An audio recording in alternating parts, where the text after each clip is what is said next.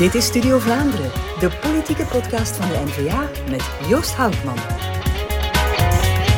Welkom bij een nieuwe aflevering van Studio Vlaanderen. Te gast vandaag een Evergemse, een apotheker, een moeder van drie zonen, een schepen, een federaal parlementslid. Inderdaad, onze gast Kathleen de Porter is het allemaal. Kathleen, welkom in onze uh, studio. Dank u. Uh, ik zie jou soms op de social media passeren een fragmentje van de Franstalige uh, televisie. Uh, het moet gezegd, jij spreekt een heerlijk uh, Frans. Hè. Dat echt van uh, un chasseur sachant chasser son, son chien de chasse est un bon chasseur. Waar heb jij jouw Frans uh, geleerd? Hoe komt het dat je zo, zo vlot bent? Wel, mijn vader kwam van de Brusselse rand en -hmm. die vond het heel belangrijk dat we ook Frans konden, als we dan zouden gaan onderhandelen, dat we beter wisten dan de overkant waarover we het hadden. Ja. Dus ik, ik heb dat eigenlijk meegekregen van leer dan maar, dan sta je altijd sterker. Ja. En dan had ik het geluk van veel op vakantie te kunnen gaan en daar veel te kunnen oefenen. Ja, ja aldoende leert men. Hè. Ja. Um, maar in die Franstalige media, waar je dan toch af en toe opduikt, kan je daar het confederale punt maken? Of is dat l'éléphant dans la chambre, là-bas? Ik, ik, zie toch een evolutie en dat vind ik juist goed, want soms vragen mensen mij waarom ga je dat daar eigenlijk gaan vertellen. Ja. Ik denk dat het heel belangrijk is dat we partners vinden om dat confederalisme echt op tafel te kunnen leggen. En je voelt dat er toch een, een, een soort bewustwording is, ook bij de Walen. Ik was eens uh, bij Christophe de Boursu. En dan had hij op een markt interviews ja. afgenomen. En dan zei hij, we hebben niemand gevonden die echt volledig tegen dat confederalisme ja. was. Het meest gelatene was van, ja, ze zullen het ons wel opdringen. Maar eigenlijk is dat toch wel voor ons een heel grote pas die we hebben genomen. Namelijk dat men in Franstalig België er ook over nadenkt en dat men ergens zal moeten inzien, het model dat we op vandaag hebben, daar kunnen we niet meer mee verder. Mm. Dus dat confederalisme, dat kunnen we gaan implementeren en ervoor zorgen dat zowel voor Wallonië als voor Vlaanderen toch wel een winnaar is. En wat is het, het punt waarmee je ze kan overtuigen? Gewoon eh, eigenlijk de feiten zeggen. Hmm. Uh, Vlaanderen kiest rechts, Wallonië kiest links. Als jullie echt willen verder beslissen over hoe dit land bestuurd moet worden, verder dat linksbestuur willen onderhouden, wel ja, je kiest er beter zelf voor en dan ga je ook zelf opdraaien voor de gevolgen. En dat, dan, dan kunnen we met z'n allen nog een democratie handhaven, ja. want dat is het op vandaag niet meer. Hè. Ja. Uiteindelijk, de, de, de Vlamingen die ondergaan nu een links-Franstalig ja. beleid en die komen toch wel in opstand. Men wil dit niet meer. Wel, willen wij naar een duurzaam kader om dit land te gaan besturen, hebben we dat confederalisme nodig.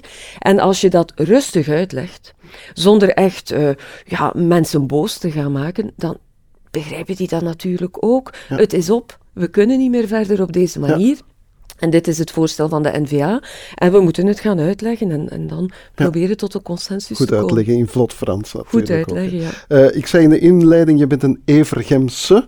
Uh, of moet Juist. je dat anders omschrijven, een inwoner van een... Een Evergemnaar, ja. Evergemnaar. Uh, wat is het de aantrekkingskracht van Evergem. Waarom zou ik er eens naartoe moeten trekken? Wel, Evergem is nog altijd heel mooi landelijk, Mhm. mm -hmm. maar heel dicht bij Gent. Ja. Dicht bij de kust en dicht bij de polders.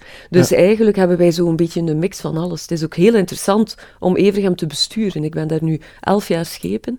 En we hebben die diversiteit, we hebben dat landelijke aspect. We zijn ook een deel van de haven van Gent.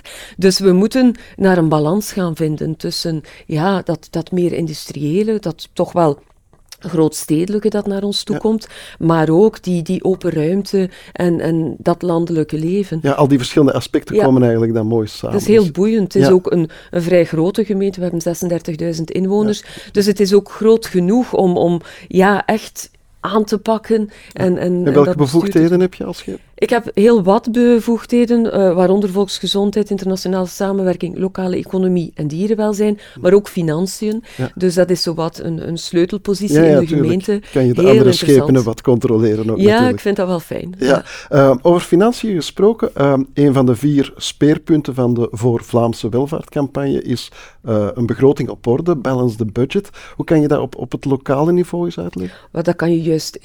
Je hebt heel veel impact. Hè? Als we nu kijken, we, zijn elf jaar bezig in Evergem. We hebben weinig schulden, we hebben veel investeringen, we hebben gezonde financiën.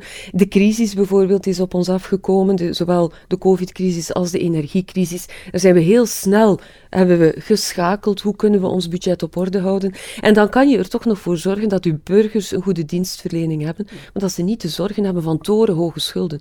Als ik kijk naar Gent, hè, de stad Mhm. naast ons, daar, zijn, daar is de schuldgraad 4000 euro per persoon. Wij komen niet aan 400 euro per inwoner. En toch kunnen we ervoor zorgen dat onze burgers alle dienstverlening hebben die ze moeten hebben. En dat is een rode draad wanneer je kijkt naar, eh, naar lokale besturen die geleid zijn door een, door een NVA-college. Ik denk dat we daar echt trots op moeten zijn. En dat we dat ook in het Vlaamse niveau hebben toegepast en dat we dat dan ook federaal echt moeten meenemen. Je kan perfect met een slanke overheid ervoor zorgen dat je een gezond budget hebt. En je hoeft geen Sinterklaas te spelen om een goed financieel, Ja, is- om, om een goed beleid, Ja, het sociaal is beleid makkelijk hè, als je het alleen maar uitgeeft dat is het allermakkelijkste. Maar de rekening komt dan later. Hè. Ik wil er echt voor zorgen, als we deze legislatuur afsluiten, dat de volgende eh, partijen die Mhm. het Schepencollege zullen leveren, dat die ook nog aan beleid zullen kunnen doen. Ja. En dat die ook nog crisissen zullen kunnen opvangen. En daar zijn we in Evergem eh, echt in geslaagd. Daar zijn we ook echt trots op. Ja, je haalde er juist al het, eh, het federale niveau aan. Eh, in 2019 eh, deed je intreden in, in de Kamer. Daar volg je vooral gezondheidszorg op. Dat Ja. is eigenlijk een evidentie voor jou, denk ik. Dat is een evidentie en ik ben daar ook heel dankbaar voor dat ik dat eigenlijk heb mogen doen. Dus ik ben apotheker van opleiding, zoals je zei. En ja, dan als je actief in de politiek gaat, dan wil je toch het meest gaan veranderen of impact hebben op zaken die je kent. En dat ken ik wel, Mhm. Die gezondheidszorg. Ik ben zelf apotheker, mijn, mijn echtgenoot is huisarts. En je hebt toch een aantal zaken die je meeneemt vanuit het veld naar de Kamer. En we zijn er zo'n paar concrete dingen dat- waarvan je eh, wist van, gesteld dat ik in de Kamer Mhm. kom, ja, dan wil ik die dingen die ik echt zelf heb meegemaakt, die wil Ja. ik echt Wel, behandelen. binnen het eerste jaar, ik denk dat ik zes maanden verkozen was, had ik een wetsvoorstel goedgekeurd gekregen rond ontbrekende geneesmiddelen. Dat was echt iets waarvoor ik wel naar de Kamer wou gaan. Eh, er- we moesten ervoor zorgen dat er meer eh, oplossingen waren voor geneesmiddelen die ontbreken. Er zijn van, op vandaag nog altijd grote, eh, grote lijsten aan geneesmiddelen waar we niet aan geraken. Ehm, de wet is drie jaar geleden gestemd, is nog altijd niet volledig in uitvoering. Dus ik ga niet zeggen dat ik het Ja. probleem volledig heb kunnen oplossen. Maar, ik heb het het probleem wel op tafel ja. gelegd. Ik heb er ook voor kunnen zorgen dat substitutie, dat is een, hetzelfde geneesmiddel geven, maar van een ander merk, eh, door een apotheker, dat dat ook legaal is nu, dat dat juridisch omkaderd is. Dus dat, dat was een van de eerste punten die ik wou aanpakken, die ik ook heb kunnen aanpakken. Een ander punt, dat is eh, de, de noodprogramma's, medical need, compassionate use, dat is misschien een ingewikkelde term, maar dat zijn geneesmiddelen die je nog voor goedkeuring of voor terugbetaling kan eh, geven aan patiënten vanuit de industrie. Ook daar hebben we een kleine wetswijziging gedaan, zodanig dat er meer patiënten kunnen deelnemen aan die noodprogramma's voor Ja. medicatie. Dus dat waren zaken waarvan ik zei van, we moeten dat aanpakken Mhm. en die we ook onmiddellijk hebben aangepakt. Ze zijn niet allemaal gelukt, want een ander speerpunt, dat is eh, het werken rond weesziekten. Ja. Eh, ik kom het heel vaak tegen dat patiënten, en er zijn er maar tien in België, of er zijn er maar twintig in ons land, er zijn weinig specialisten, en dat mensen tegen de muur lopen, dat ze niet En geholpen weesziekte worden. wil dan zeggen, eh, een, ziekte die, een ziekte die bekend is natuurlijk, maar super weinig eh, Ja. patiënten heeft, waardoor het niet interessant is voor de industrie om, om, om daar volop in te zetten. Waardoor het minder interessant is, waardoor er minder wetenschappelijke kennis is. Ehm, en dus waar er ook de diagnose heel vaak heel laat komt. En Ja. dat is ook vaak een probleem. Het zijn vaak kinderen. Maar als je drie, vier specialisten moet consulteren vooraleer je ja, de diagnose krijgt, dan heb je heel veel tijd verloren. Het gaat ook heel vaak om en heel mensen dure... hebben die tijd eigenlijk niet. Hoor, Eigenlijk ziekte. niet, hè, want hoe sneller je ingrijpt, hoe beter het, het levensverloop eh, verder, verder is. Het gaat ook vaak, de therapieën zijn ook vaak heel duur, eh, dus die worden niet altijd terugbetaald. Daar zouden, eh, daar zouden toch technieken voor moeten. eh, En je hebt daar een voorstel ingediend. Ja. en Waaruit bestond dat voorstel? Ik heb een voorstel ingediend waar we vooral naar expertisecentra moeten gaan, waar we een zorgpad moeten hebben voor de patiënten, zodanig dat er dus een soort coördinator is. Want als je een specialist hebt die, die pak nu in Leuven zit en je bent van Evergem, dan is dat heel moeilijk om daar naartoe te gaan. Wanneer je een zorgcoördinator hebt, dan kan de specialist in Leuven de arts in Gent of in Evergem begeleiden, zodanig dat de patiënt ook dichtbij de zorgen heeft. Dus dat uh, zou, zouden we willen implementeren. Echt een zorgpad per weesziekte. En dan de therapieën. Snellere terugbetaling. Een terugbetaling met een pay for, for, performance, waar wanneer een molecule voor een weesziekte ja, goed blijkt te zijn, dat je ze sneller aan je patiënten geeft en dat je de evaluatie doet. Wanneer die evaluatie niet positief is, dan moet de firma terugbetalen aan de staat. Wanneer de evaluatie wel positief is, dan blijft de staat terugbetalen. Maar dan ga je je patiënten dus sneller die therapie gaan kunnen geven.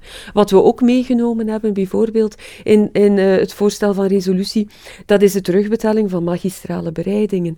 Uh, er zijn soms moleculen die voor een aandoening gebruikt worden, maar die voor een bepaalde weesziekte ook zouden kunnen gebruikt worden, maar niet uh, geregistreerd zijn voor terugbetaling. Je zou via een magistrale weesbereiding dan die terugbetaling wel kunnen voorzien. En dan ja, zijn er weer meer patiënten die toegang hebben tot een therapie. Dat is nog niet geregeld. En het was echt frustrerend dat het kabinet van minister Van den Broeke daar gewoon niet in mee wou gaan.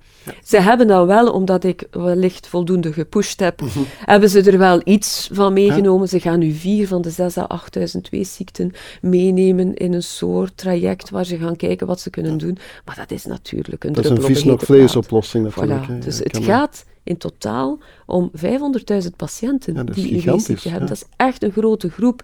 En we hebben know-how. Er zijn ook Europese netwerken. We zouden hier echt het verschil kunnen maken. Het is dan ook heel jammer dat uh, ja, het Vivaldi-beleid daar geen prioriteit van maakt. Zeker, het zijn niet heel vaak jonge kinderen. Het is schrijnend. Hè. Ik krijg soms telefoons of ik krijg soms berichten in mijn mailbox van mensen die zeggen van wij gaan verhuizen met het ganse gezin naar Nederland, want daar is de therapie voor ons dochter wel terugbetaald en in ons land niet. Wel, dat, dat wil je niet horen als, als Vlaams politica. Je wil dat uw patiënten hier geholpen worden. Hè. Uh, het, het ziektebudget is een gigantisch budget. Daar zijn gigantische benefits of efficiëntiewinsten te halen. Dat, dat hebben we al vaker aangehaald als NVA. Mochten we nu eens werk maken van die regionalisering van de zorg, hè, zelfs John Crombie heeft het in een studie uh, bewezen dat we daar 3 miljard zouden kunnen halen. Wel, Haal die miljarden uit die zorgstructuren, breng ze naar de patiënten, dan gaan we veel meer patiënten kunnen helpen. Ja, in de Kamer uh, leg je regelmatig minister Van den Broeke op de rooster. Wel, uh, van minister Wijsneus is geweten dat hij niet goed kritiek verdraagt, maar je hebt, die, allee, je hebt tonnen kritiek eigenlijk. Hè, op, op, op. Ja, ik, ik, ik haal kritiek en het is niet kritiek om kritiek te geven, maar het, het is natuurlijk zo dat als oppositielid is het echt wel je taak om de regering te gaan controleren. En de vinger op de wonden te leggen. De vinger op de wonden te leggen. En ook, dat, dat is wel het, het krachtige van een politicus die op twee niveaus mhm. bezig is. Je haalt je expertise van de gemeente toch altijd mee naar de Kamer. Dus als schepen van financiën heb ik wel geleerd om in die begrotingen, om in die balansen en die cijfertjes te gaan pluizen.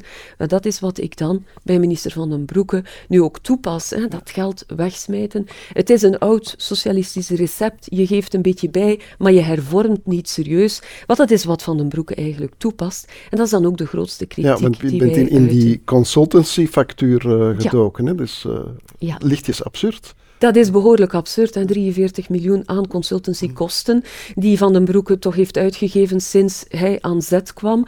Dat is meer dan de Vlaamse regering in, in, in globaliteit. Uh, dan gaan die consultancykosten ook nog voornamelijk naar één bureau is er ook geen echte openbare aanbesteding, want het was een raamcontract dat gestart is binnen COVID, dat hij gewoon heeft uitgebreid. En je kan je soms de vraag stellen, wie is nog de baas binnen de FOD uh, Volksgezondheid? Want heel vaak stel ik vragen waar, waar, waar ik eigenlijk het antwoord wel al een beetje op weet. En zie ik toch wel verschillen in antwoorden vanuit het kabinet. Uh, dan ja, wat de feiten zijn. En wanneer mhm. je minister Van den Broeke daar dan op wijst, dan blijkt dat het antwoord van een van die consultancybedrijven nog niet, nog niet binnengekomen is en dat men dat dan moet aanpassen.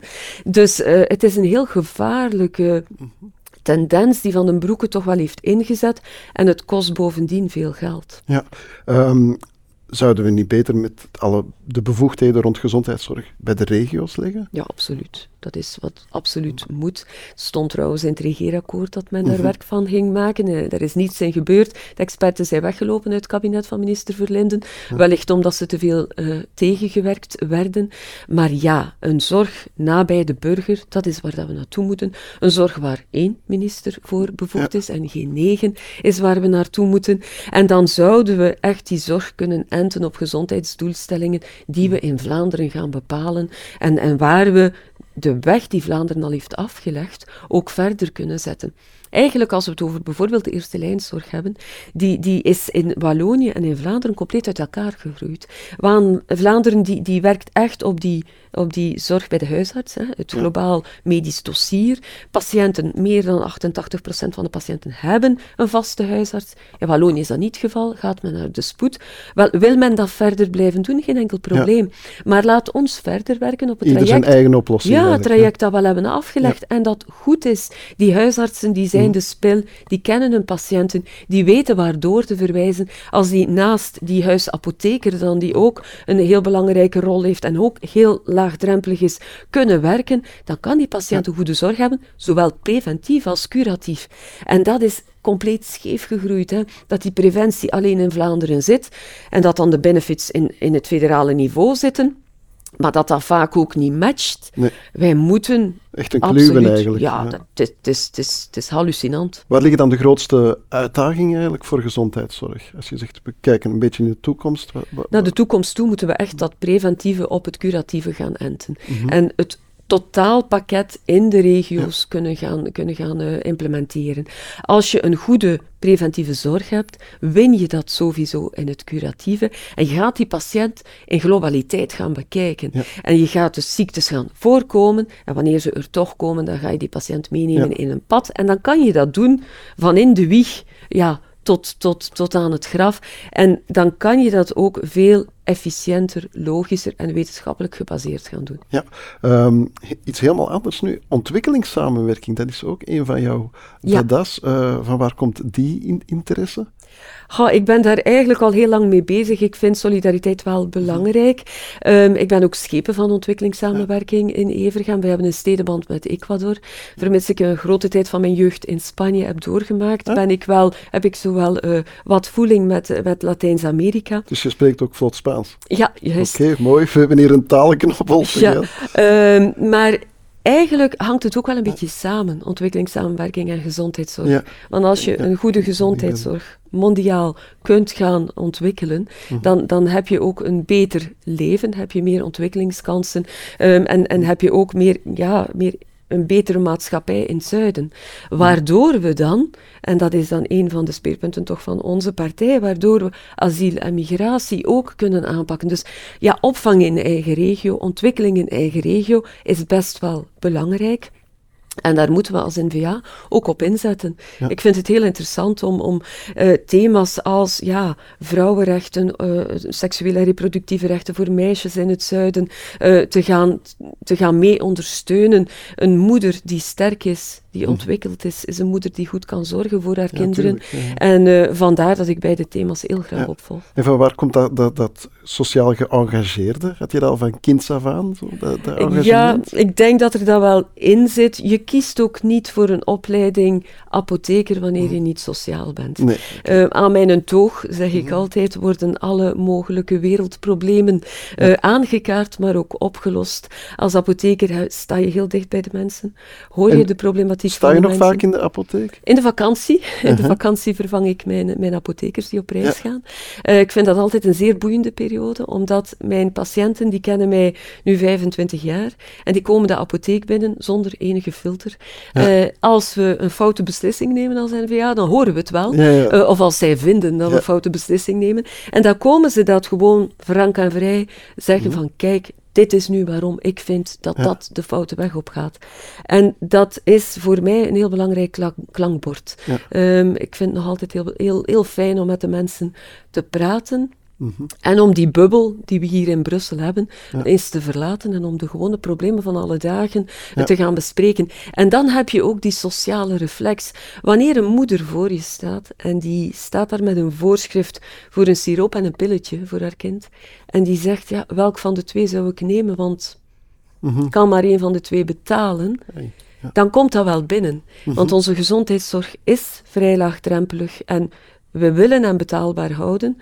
Maar als je dan ziet dat het in de feiten niet voor iedereen het geval is, ja, dan denk je daar wel over na. En dat sociaal zijn, ik Mhm. denk dat dat, dat dat in je zit, maar dat het versterkt wordt door wat je elke dag ook wel Ja, ja, tegenkomt, de de- verhalen die je hoort. Ik werk ook in Ja, Gent, de echte mensen, eh, de echte ge- mensen. geven de input De eigenlijk. echte problemen. Ik werk in Gent ook enorm rond drugsbeleid in de Mhm. apotheek. Ehm, dus de, de verschillende ehm, trajecten voor drugsverslaafden, die, die, ja, die, die, die voelen we elke dag. Hè. Ja. We hebben mensen die elke dag om een substitutie komen. Ja, dat zijn zaken die je in een kamer of in een parlement wel kunt aankaarten, maar het is pas als je voelt wat de problemen op terrein zijn, dat je ze echt ook kunt, vind ik, overbrengen en, en, en er daadwerkelijk iets Ja. aan kunt doen. Ehm, kijk je eigenlijk naar 2024 naar uit, naar het, het campagnejaar? Want je hebt dan zowel lokaal als, eh, Ja. als nationaal eh, wel wat hooi op de vork dat je Ja. moet, moet nemen. Ben je een campagnebeest? Ehm, ergens wel. Het is Mhm. altijd een zeer boeiende periode. Eh, het is ook een beetje spannend. Hè? Ja. Wat gaat er gebeuren? Ehm, het is heel fijn om lokaal... Ik heb zo een beetje de afdeling van het Meetjesland Ja. rondom mij. Om lokaal die afdelingen mee te nemen en dat verhaal te gaan vertellen. Ehm, ik doe dat dan het liefst van al in debatten. Dat vind ik echt Ja. altijd wel fijn. Zo die jongerendebatten, die soms heel hard zijn. Want jongeren zijn, zijn ja, heel Nogal duidelijk ja, hè, met- met hun, met hun, eh, hun ideologieën en, en de wensen die ze hebben. Eh, maar het is, het is heel fijn om, om daarmee in debat te gaan en, en te gaan wikken en wegen. En het is ook heel belangrijk voor ons als politieke partij om te kunnen duiden in meer dan twee minuten die je op televisie krijgt, eh, wat de standpunten zijn. Dus daarin ben ik echt wel een campagnebeest, kun je zeggen. Eh, op de baan gaan en in debatten echt gaan zeggen van kijk mensen, eh, wij zijn de N-VA, wij zijn warm, wij zijn sociaal, maar we willen ook wel dat alles betaalbaar blijft. En dat kan je vaak niet in twee minuten zeggen. Daar heb je soms wat Ja, tijd, tijd voor nodig. en voorbeelden natuurlijk. Ja, en die krijgen we dan wel in een debat. Eh, op de markt te gaan, dat doen we eerder in groep. Maar dan sta ik eigenlijk nog altijd liever in mijn apotheek, omdat daar ook de volledige maatschappij komt. Ja. En dat de mensen dan ook echt in dialoog met mij gaan en ik daar ook de tijd van kan nemen. Dus ik doe een beetje een alternatieve campagne. eh, maar ja, het is, het is sowieso als politicas, als politica eh, moet je je tonen in die Ja, periode en moet je met de mensen in dialoog gaan. En soms krijg je wel een keer eh, een glas water in je gezicht, maar dan, ja, dan, dan moet je denken, hoe ga ik daar de volgende keer Ja. mee om? En, en dan ga je weer de boer op. hè. Ja. Dat eh, vergt alleszins veel energie. Heb jij een paardenmiddeltje dat jij gebruikt om eh, door die zware periode... Allee, zwaar, ik wil zeggen, nogal energievolle periode. Ik heb geen paardenmiddels. Ik kan mij wel vrij goed afzonderen. Mhm. Ehm, ik, heb, ik zeg altijd mijn, mijn kokon, mijn gezin en zo een paar vrienden. En als het te veel wordt, dan eh, sluit ik mij een paar uur op Ja. eh, met hen en praat ik over koetjes en kalfjes. Of lees ik een boek of zet ik wat Spaanse muziek op. Dat helpt ook. Ben ik even weg en daarna eh, lukt het weer. Oké, dan wens ik jou heel veel energie voor dat campagnejaar. Ik dank je. Kathleen de Porter, voor de uitleg over en Evergem, over het schepenmandaat, over apotheker, over de gezondheidszorg. Het is allemaal aan bod gekomen. En ik dank ook u, beste kijker en luisteraar. Op naar een volgende Studio Vlaanderen.